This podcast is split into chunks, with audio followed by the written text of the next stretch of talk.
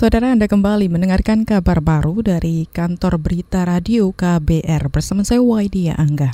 Komisi Penyiaran Indonesia atau KPI akan melakukan kajian mendalam terkait wacana perluasan pengawasan ke ranah media baru seperti Netflix, YouTube, dan Facebook. Komisioner KPI Pusat Irsal Ambia menekankan pengawasan terhadap media-media tersebut tidak akan dilakukan dalam waktu dekat. Artinya karena media itu sebagai ruang publik, di sana ada kepentingan publik, kita, kita tuh harus punya perhatian untuk perlindungan publik. Itu aja sih sebenarnya yang menjadi concern kita. Bahwa apakah ini sudah harus, sudah sangat genting, apakah harus diawasi besok, lusa, atau kapan gitu kan. Nah itu kan perlu kajian yang lebih mendalam. Komisioner KPI Pusat Irsal Ambia mengaku mengakui lembaganya tidak berwenang mengawasi media baru seperti Netflix. Itu lantaran media baru tersebut belum diatur dalam sistem penyiaran Indonesia. Sebelumnya KPI mewacanakan melakukan pengawasan kepada media baru di dunia maya, namun rencana ini mendapat penolakan masyarakat salah satunya melalui petisi.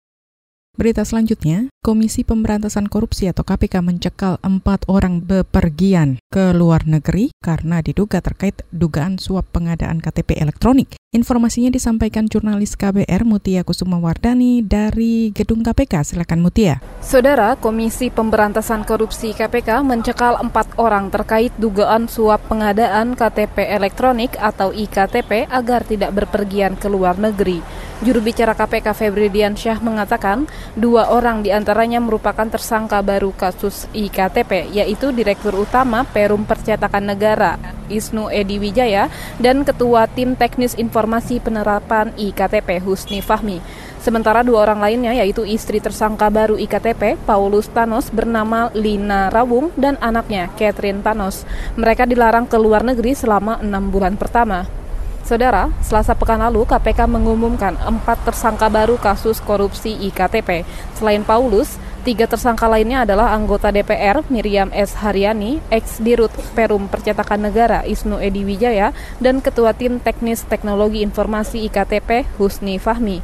Sebelumnya KPK telah lebih dulu menetapkan delapan orang tersangka, di antaranya bekas Ketua DPR Setia Novanto serta dua pejabat Kemendagri Irman dan Sugiarto. Akibat kasus ini, BPK memperkirakan negara merugi hingga 2,3 triliun rupiah. Dari Gedung Merah Putih KPK, Mutia Kusuma Wardani untuk KBR. Baik Mutia, terima kasih. Kita ke berita lainnya, pemerintah optimis dapat mengatasi gejolak ekonomi di dalam negeri. Menteri Keuangan Sri Mulyani Indrawati membeberkan Indonesia tengah menghadapi tantangan ekonomi dari global, yakni pelemahan ekonomi dunia. Menurutnya Indonesia perlu mewaspadai efek dari pelemahan ekonomi. Di dalam pertangan ekonomi dunia, apakah itu proyeksi bahwa perekonomian dunia akan melemah? Bahkan beberapa kata sudah sering disebut yang disebut resesi. Resesi itu mereferensikan bahwa perekonomian akan mengalami kontraksi dua kuartal berturut-turut. Dan beberapa negara yang cukup penting di dunia sekarang sudah memasuki kontraksi. Itu adalah tantangan eksternal yang harus menjadi pusat kewaspadaan kita. Menteri Keuangan Sri Mulyani Indrawati mengatakan beberapa negara maju tengah mengalami kontraksi ekonomi. Ia menyebut negara seperti Jerman dan Singapura saat ini terdampak atas pelemahan ekonomi. Sementara itu lebih parahnya lagi, beberapa negara berkembang di Amerika Selatan tengah mengalami krisis.